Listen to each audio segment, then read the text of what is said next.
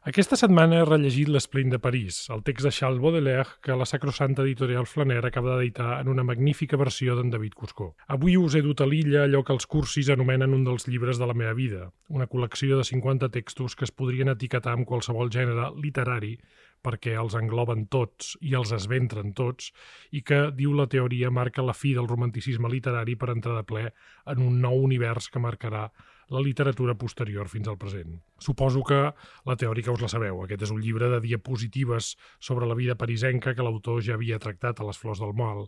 Un recorregut sense argument, inicis o final, que s'escriu sota l'aparença d'una prosa que només té la consciència com a dictadora. A l'Esplint de París s'hi narra la fi d'un món, de la França imperial i de la ciutat que es fa i es desfà en la seva monumentalitat – Baudelaire no inaugura, però sí que dona una força descomunal a la figura del flaner, del passejant encuriosit i rabiós que per primera vegada utilitza la ciutat no pas com a tema literari, sinó com a símptoma de les pròpies emocions i pensaments. Aquest és un llibre, i d'aquí la meva veneració, que inicia una nova forma de pensar i, per conseqüent, una nova forma d'escriure com tota obra mestra, ha provocat tesis i lectures que comencen pel títol mateix, per escatir exactament quina és l'equació d'aquest concepte, l'esplint que barreja l'avorriment, la nostàlgia i la melangia, però també la crueltat, i per què no el desig desbocat. Cada vegada que el llegeixo, i moltes gràcies, senyor Baudelaire, és potser la crueltat el que més em sobta d'aquest llibre, perquè l'Esplint de París inaugura una prosa que explotarà en mantautors com Berger, també un flanerista, traduït per en Raül Garrigasait, sigui quan parla del plaer sexual, dels nens que es perden en les cavalleres de la seva mainadera, o fins i tot quan elogia la vida ciutadana, Baudelaire filtra l'experiència de la vida amb un altíssim sentit d'allò cruel. Aquest també és un llibre que inaugura el canvi d'estat d'ànim com un tema literari en si mateix, i és així com l'autor, o qui fa d'autor, passa d'embriagar-se i d'ordenar-nos que ens emborratxem a encastar-nos a la mortalitat sense gaire contemplacions. Abans que Baudelaire deia altres poetes havien glosat la ciutat, i més en concret els racons més pobres de les urbs, però Baudelaire en fa un personatge, una categoria moral que barreja l'esturament amb l'elogi a la pobresa dels indígenes, dels humiliats, en un retrat de la societat de classes postindustrial difícilment superable. I tot pagat instaurant també una nova relació de superioritat o fins i tot de menys preu amb el seu propi lector. No pas per castigar-lo, que seria poca notícia, sinó perquè aquest acabi també esbatanat. I és així com, de fet, acabem després d'aquest text fonamental que ens deixa la carcassa destrossada, però que, us ho ben juro, no ens acabem de treure mai de sobre. Aquesta setmana he rellegit Baudelaire.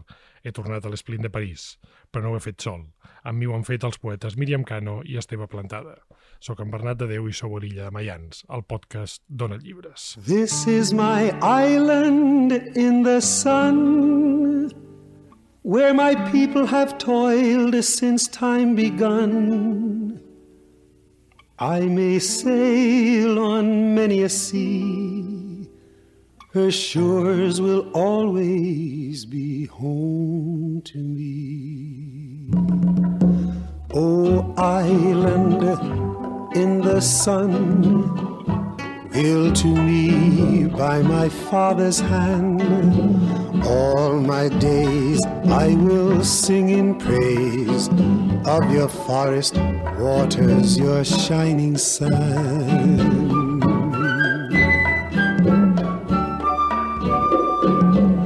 Senyor Esteve Plantada, de Busguard, bon dia, bona nit.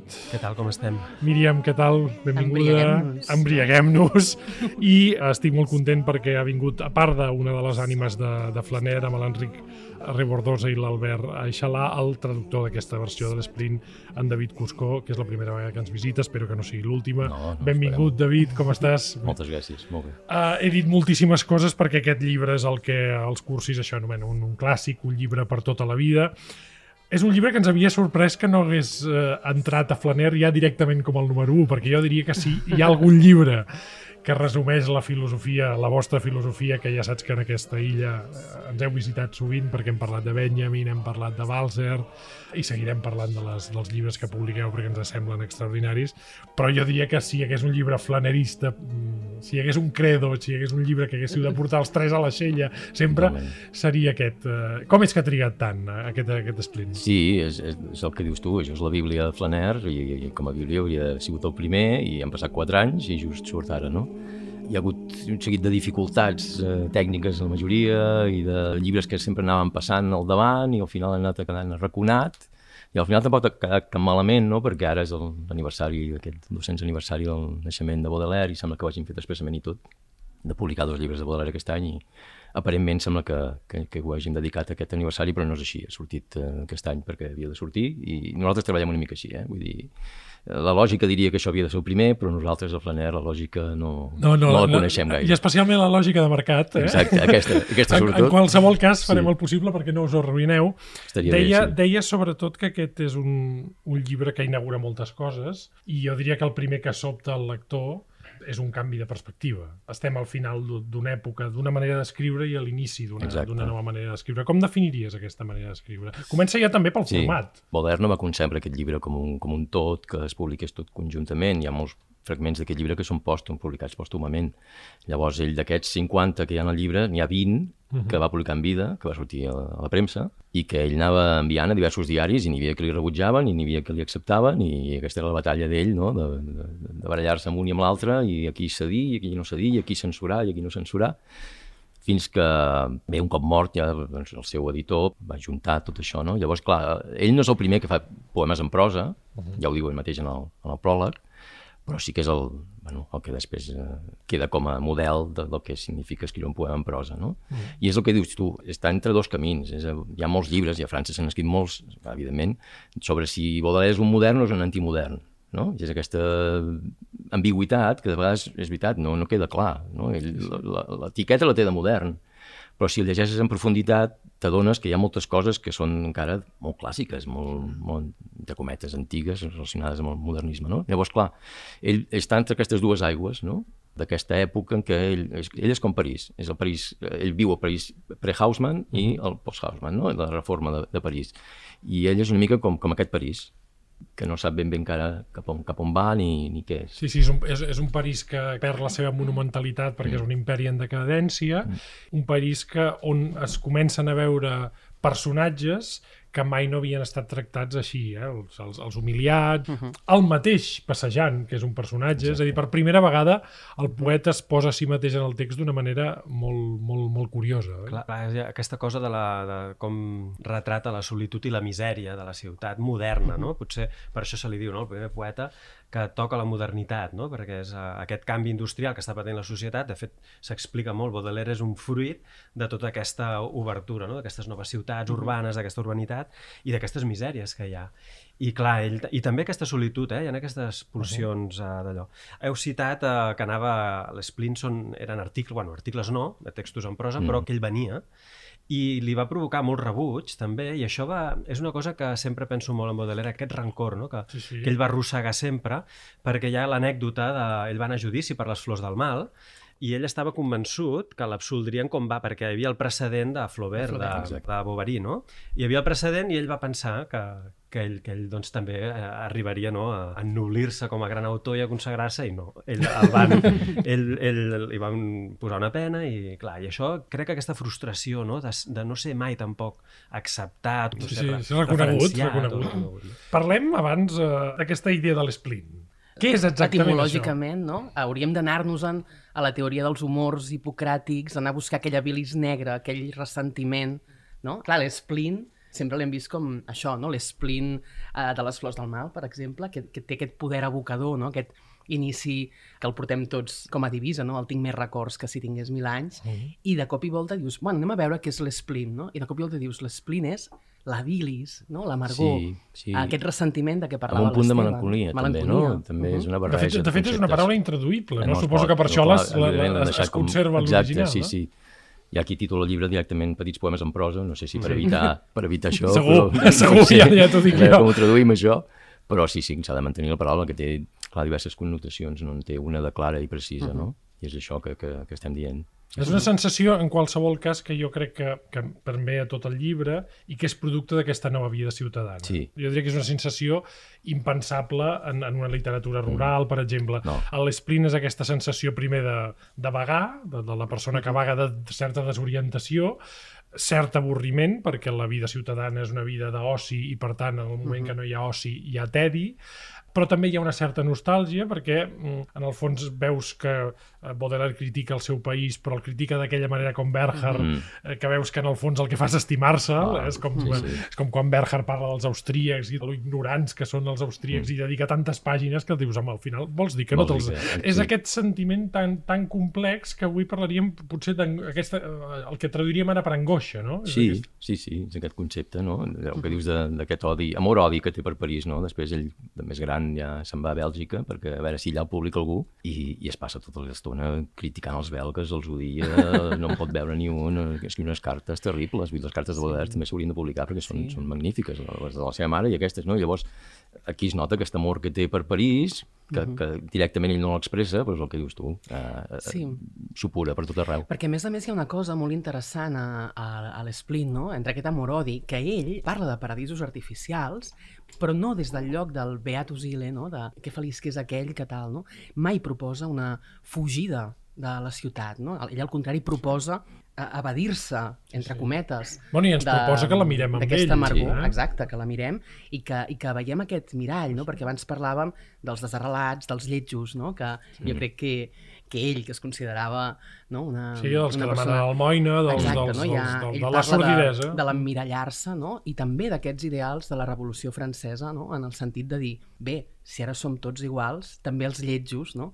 també els desarrelats tenim aquest, aquest lloc al món. No? Vull dir que hi ha algunes coses que també tenen... És, és un, per mi és un llibre molt complet en el sentit que és filosòfic, és polític eh, en un sentit molt aterrat, també des d'aquest canvi de, de la ciutat, i justament aquests paradisos artificials que podríem parlar de l'evasió no? en aquest poema amb què ara començàvem, no? amb Lenny Brenou, que clar, és una evasió que diu sí, amb vi, amb poesia o amb virtut, no? I llavors aquestes tres coses, aquest mm. evadir-se des de la virtut, a mi em sembla una idea mm. interessantíssima. Totalment, i a més a més hi ha una cosa molt curiosa perquè París no surt citat o descrit molt, però el que és important d'aquest París és la mirada diria, no? Mm. Que, això és, que això és una de les coses més, més curioses d'aquest llibre, és a dir, d'autors que havien descrit París, fins i tot en termes, per dir-ho així, de literatura obrera, de, de parlar d'això, sí. d'en Dostoyevskià, mm. els humiliats i els ofesos, mm. n'hi ha hagut molts el tema no és això, el tema és el focus. No? És a dir, el, el, el tema no és que,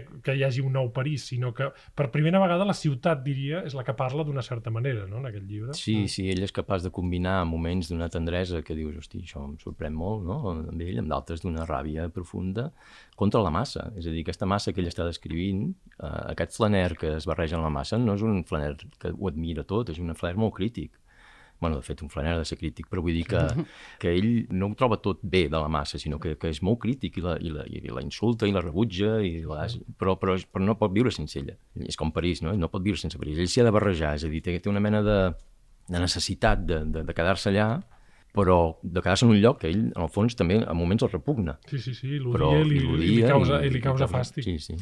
No, és això de París, no? de, que no, no és descrit, sinó que passa a ser una escenografia, no? on mm. el que importa són els llocs, els antres, els cabarets, no? tota aquesta vida dissoluta on ell, on ell té il·luminacions, perquè una altra de les coses, quan llegeixes l'Esplint de París, és l'enlluernament, no? de, aquesta pulsió de, de l'autor de, per la meravella, encara que li provoqui un cert rebuig. No? Hi ha una altra cosa que volia destacar que abans deia la Míriam, no? de, que és l'eclecticisme. Clar, tenim les dues grans obres troncals, no? serien la que seria el vers, no? Eh, clàssic, tradicional, uh -huh. el pes de la tradició, que és les flors del mal, i llavors tenim l'esplint, que és aquesta cosa no? nova, on experimentem amb la forma i on trobem, no sé, des d'odes, articles, com dèiem, uh, microrelats, uh, també uh -huh. o, o, coses així, no? Uh, bromes... Diàlegs, diàlegs, fins i tot, és, és un llibre sí, que té, sí. té instants de teatral. Sí, amb esquetxos, de vegades fins i tot, que sí. això se'n diria així, no? Vull Clar, dir, aquest eclecticisme sí, sí. fascina també molt, mm. enlluerna, no? L'actor, sí. de dir, ostres... Perquè ell, ell s'adona que la forma tradicional de fer poesia ja no serveix. És a dir, en el moment que tu has de publicar un poema en un diari i al costat hi haurà un anunci, ell s'adona de, de que la figura del poeta ja no és aquest bard que està per sobre de tot, sinó que és una cosa molt més banal, que això amb ell el, el revolta i s'emprenya molt amb això, però, però ho accepta, si més no perquè és, és, el, és el que li donarà per menjar. I llavors ell, doncs, eh, aquesta forma, aquesta nova forma, aquests petits poemes en prosa, el que li permeten és això, és, és entrar com, com petites espurnes dins d'aquest món modern que ell a moments se li escapa i que no entén, per exemple, la relació que té, per exemple, amb el món de la fotografia és paradigmàtica, és a dir, ell, -huh no li agrada gens perquè segons ell roba imaginació, no? la fotografia el que fa és robar-nos imaginació i capacitat de somiar, però en canvi es deixa fer unes fotografies extraordinàries pels millors fotògrafs de- d'aquell moment de París. I, en, i engalanats, Exacte, i ben en vestit, amb, no? sí. exacte, vull dir que és, i això també té aquesta posició ambigua, també la té amb la premsa, la té amb, amb, la, amb la fotografia, amb tot el que el món modern de la ciutat li ofereix, no?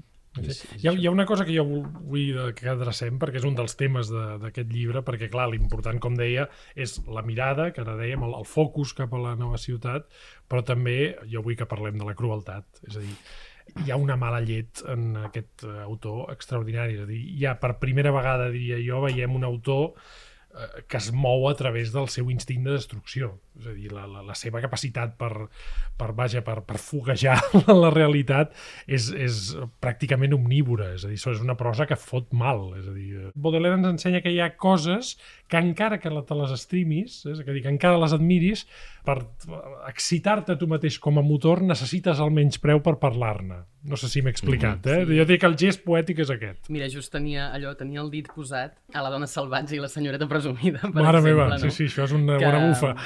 Diu, realment estimada em cansa sense mesura i sense pietat. Sentint-te sospirar, diríem que pateixes més que les espigoladores sexagenàries i que les velles pidolaires que recullen crostons de pa a les portes de les tavernes. Si almenys els teus sospirs expressessin remordiments, et farien algun honor, però només tradueixen la sacietat del benestar i l'aclaparament del repòs. Pam! Sí, sí, no fa cap mena de concessió. no fa cap mena de per ningú. concessió, no? Per ningú. Jo diria que ell és conscient, eh, clar, no sé si estem fent psicologisme barat o no, però ell és conscient que hi ha un cert món a partir del qual només podràs sobreviure com a artista encastant la teva pròpia veu a la realitat i fer-ho a través de les flames. És a dir, jo crec Sí, que hi ha sí, una intenció bé claríssima de violentar la prosa per tal de sobreviure en un món que, com tu deies, David, abans ja no és el dels poetes No, àulics, ja no és... Sí. Estem en un moment on, on, on la literatura forma part de la violència i de la guerra, no? Jo, jo crec que això- que aquest gest és militant en Baudelaire. Sí, no sé si sí, sí, totalment, estic totalment d'acord, sí, sí, ho veig així. Mira, agafo també això que deies ara de que t'ha ensenyat a escriure i vull reivindicar també no, que jo crec que funciona com un bon manual no? de- d'escriptura, no manual a l'ús, no? però sí com un, una, una d'aquelles obres de referència a les quals recorre per veure com s'ho feia. No? I a vegades és, aquest llibre ja té eh, dos segles no? i és, encara és vigent, no? encara estem copiant, encara estem reprenent el, els temes de Baudelaire. Per això hi ha aquesta cosa de la modernitat, de la antimodernitat. De fet, estem recreant no? molts d'aquests temes mm. encara. Sí, sí. Un dels temes claus que jo crec que és, és, és aquest... Eh, és a dir, no suporta l'avorriment, el tedi. El tedi mm -hmm. és el pitjor enemic que hi ha. No? És, és, és millor aliar-se amb el, el diable o el que sigui abans de caure en el tedi. No? Això ho, ho diu repetidament en tota, en tota l'obra. Llavors sí. jo crec que aquesta fascinació per la ciutat justament també té aquesta explicació, és a dir, la ciutat mai l'avorreix amb ell. No. Perquè és una cosa nova, clar, evidentment, potser si, si ja l'hagués vist molt temps, no? Però vull dir que és, és això, la, el pitjor que hi ha és l'avorriment i la manca d'imaginació, eh? és a dir, l'avorriment ens, ens, ens resta imaginació, capacitat d'imaginar. I per, per ell això és el, és el pitjor que hi ha, pitjor que l'infern. I és, I és un tema que jo crec que filosòficament, després, aquest tedi, en formes diferents i amb noms diferents, el reprendrà Sartre, el vòmit, la nàusea, la bilis, és a dir, no? bueno, Ah. això no passa mai de moda, l'avorriment no passa mai de moda. Si Baudelaire només hagués estat un destructor i hagués estat un crític, mm. no hagués passat a la història de la No, literatura. És a clar. dir, el que provoca el, el, el textos com l'Esplin mm. són, són es, escoles d'escriptura i mm. també et venen ganes d'escriure. Sí. El que passa és que hi ha un problema és que et venen ganes d'escriure com Baudelaire i llavors te n'adones que, que en general no que, hi de fet, arribes. No té seguidors, si us hi fixeu, no, Baudelaire sigui Rimbaud una miqueta d'actitud, però seguir l'estil de Baudelaire és, és, és gairebé impossible, no? és una cosa única, és com va sortir i va quedar allà i ja està. A l'hora de traduir, mm. per això sempre fem venir els, els traductors al programa, primer per agrair-vos mm. la feina, perquè com saps, això de traduir Sí, és, no. és feina de- és feina costa. de- d'esclaus. Sí. Com vas adreçar aquest llibre? Quin va ser la, la pauta que vas decidir? L'objectiu gairebé únic i principal era, principal segur, únic no ho sé, era fer- traduir i fer servir un català actual entenedor. Actual no vol dir plegat de barbarismes, eh? vol, dir, vol dir actual. Em va semblar que el que havia de buscar era sobretot això, eh, naturalitat. És, és bastant una traducció, jo crec, bastant literal. Uh, no, no, no creu, no, no, no sóc un creador, per tant... No has volgut potinejar, per dir-ho així. No, he no, mirat no. de ser el màxim de fidel possible, no? El món de la traducció hi ha a vegades una mena de, de mística al voltant, no? que em sembla que sigui una mena del traductor, una mena de mèdium que que s'ha de concentrar molt perquè li vingui l'esperit d'aquest autor i és, en el fons és feina i treball i posar-s'hi i dedicar-hi hores i, i evidentment si t'agrada aquest autor doncs eh, ho faràs més bé, no? ho faràs amb més ganes però vaja, no, no, no és una feina especialment allò que, que diguis que m'hagi hagut d'aïllar del món ni res, no? Dir, és Però a mi em sembla treball. que, no has, fet, no has fet una feina de creació, però jo diria que el to, aquest to, a Marc està molt ben traslladat. No? Sí, bueno, perquè a Flaner ja el tenim una mica. Jo crec que us ve de Sí, sèrie clar. ja de, de, de la vida. i, I no un llibre que llegia per primera vegada, vull dir, ja estava com, com una mica ja assumit aquest llibre. Llavors, clar, eh, vull dir, surt més natural segurament, no és una cosa nova que és de dir, ui, ara m'hi he de posar. No. I llavors sí, surt bastant sol ja. Sí, sí. Jo crec que com, que com que ens agrada tant la vostra editorial heu de fer una campanya a les xarxes contra el nostre programa. És dir, que, perquè us hem, us hem elogiat massa, llavors Sí, jo crec que, sí. jo No crec ens convé, no? que Si els hauríeu, hauríeu de començar a criticar-nos perquè això Sí, ja comença sí, a ser sí, massa no, poc, està- poc està Veig, veig, que el, sí. veig que la- l'Esteve té el llibre obert No, per, per aquí, una tinc part. l'embriagueu-vos, no? però, Sí, sí, perquè home. ara ell estava parlant d'aquesta mm, voluntat de, de, de fer-lo amb un català actual. No? Mm. Clar, jo sóc d'aquells que va aprendre's aquest poema que deia que cal estar sempre embriac. No? I a l'últim era eh, de vida, poesia de, o de virtut, com us plagui. No? I clar, eh, quan m'ha fet molta gràcia llegir no? aquesta actualització, cal estar sempre ebri, com us vingui de gust, no? que jo penso que és molt necessària per una cultura sana, musculosa, no? que, hi hagin, eh, que vagin apareixent aquestes noves actualitzacions que ens portin el poema al català que es parla... Bueno, que es parla ara, no? Perquè si fessis amb el que es parla ara... No, no tindríem problema. Millor no me l'oferís en castellà, Exacte. bàsicament. No, però mm, Sí. clar, hi ha aquesta, aquesta feina, Sí, sí, no? De. I es nota moltíssim també en aquestes paraules molt, molt més amables, malgrat que el que hi ha darrere és... Sí, I ara no, abans parlàvem no, de- d'aquesta idea, perquè sí que hi ha aquesta, aquesta amargor, però també hi ha aquesta reivindicació de lo lleig, eh, de què jo parlava al principi, no? i hi ha aquest poema molt cura al mirall, que us citava, no? un home espantós entra i es mira al mirall. Per què us mireu al mirall si només us hi podeu veure amb disgust? L'home espantós em respon, senyor, segons els principis immortals del 89, tots els homes són iguals en drets, per tant tinc el dret de mirar-me de bon grat o amb desgrat. Això només concerneix la meva consciència. No? En nom del seny, no hi havia cap dubte que jo tenia raó, però des del punt de vista de la llei, ell no estava equivocat. No? Per tant, a mi, una de les coses que més m'agrada... Sí, se n'en fot, se n'en fot. que molt. més, és que, és- perdó, eh? Perdó, No, no, sí, ho és que entenc. però molt és a dir, és, és aquesta idea de dir, bé, si tots som iguals, no? I si hi ha aquesta idea d'igualtat, fraternitat, etc, que no sigui només una teoria, no? Baixem el fang, Exacte. no? Una cosa que m'agrada molt de, de Baudelaire és que uh, baixa el fang de les coses, no? Davant d'aquest món de bellesa teòrica, no? Ell diu, no, Exacte, no, no, no, a- aterrem-nos, no? T'agafo això que dius perquè hi ha un, hi ha un altre text no? que també és és força conegut, el de la solitud, no? que al final, eh, que també és un dels, un dels grans eh, batecs, eh? diu gairebé totes les desgràcies em venen de no haver sabut quedar-nos a la nostra habitació. Diu un altre savi, Pascal, crec, cridant així a la cel·la de recolliment a tots aquests esbojarrats que cerquen la felicitat en el moviment i en una prostitució que jo anomenaria fraternitària, si volgués parlar amb el vell llenguatge del meu segle. Clar, és, és això, no està tan carregat. ell, De... no, no era gaire amic de, de la democràcia. Diguem-ho així, el tema democràtic no, no li feia gaire gràcia, era, tenia postures més aviat aristocràtiques o de, de mirar-s'ho, almenys molt críticament, perquè considerava que això banalitzava, no? la igualtat banalitzava. I, i en aquests textos no ens respiren Sí, és la contradicció això. per això del dandy i del flaner, és a dir, Sí. són antidemocràtics però necessiten la massa Exacte. perquè en el fons la massa els justifica, Exacte. no? perquè això ho veiem Sí, sí. en, en l'Ors, que és jo diria el nostre gran escriptor dandy de principis del segle XX, que es fot sempre de la massa, però clar, la massa li serveix per Exacte. dir, eps. David, abans de- abans d'acabar, eh, dos coses que et volia demanar. Eh, quin és el proper flaner? Perquè clar, ens teniu molt ben acostumats i suposo que a partir d'aquest Sí, eh, setembre hi haurà ha alguna de cosa... sortir... Potser surt abans del setembre i tot. Caram, uh, és, uh, són una antologia de 30 poemes d'Elisabeth Bishop, que ha traduït en Jaume Pons a l'Orda, conegut Ens, vostre. ens sona, sonar, sembla. sí. Ens sona aquest senyor, sí. I Sí, que, sí. bé, ja, ja, ja està. Just ahir vaig anar a la impremta a mirar com, com, com sortia tot, o sigui que ja ha de sortir ja. I al setembre potser l'Enciclopèdia dels Morts de Dan- Danilo Kish, Oh, l'escriptor fantàstic. serbi. Autor fantàstic. Sí, meravellós. Fantàstic. Sí que teníem poquet en català, em sembla. En no? català només hi havia la, la mort de Boris Davidovich, em sembla, i ara sortirà aquest, que també és un llibre central d'aquest autor, i que ens fa molta il·lusió. I suposo que tindrem I Zebals tindrem i Zebals. Em diuen de- que tindrem Nietzsches, no sé si... m'han Nietzsche és una bé. cosa que la tenim entre cella i cella i l'acabarem fent segur. Sí, home, sí. Tenir, tenir tot Nietzsche en català seria, Home, seria ja- ja una ens podem retirar, ja, important i, Sí. i quan, quan el, el tingueu, eh, vaja, us portarem aquí, Sí, sí, farem una farem marató una de- festa. Sí, sí. farem una festa Sí, sí. nietzscheana que pot ser bastant interessant. Sempre els dic als convidats que ens, que ens parlin d'alguna música que els hi Mm. suggereix aquest llibre.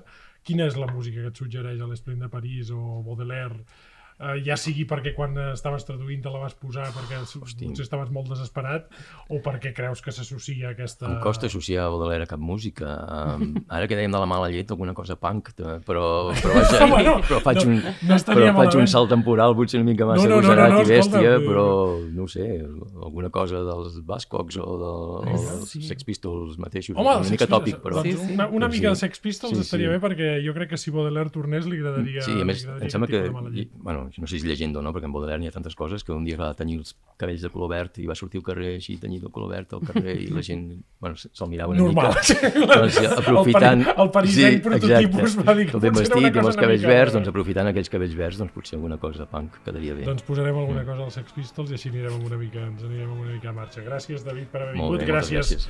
uh, per la feina que esteu fent i que sapigueu que no, vaja, que alguna cosa queda i que esperem més droga. Molt agraït. sí, Aviat, addictes- aviat. Addictes Esteve Gràcies. Míriam, moltes gràcies a vosaltres també. Moltes gràcies.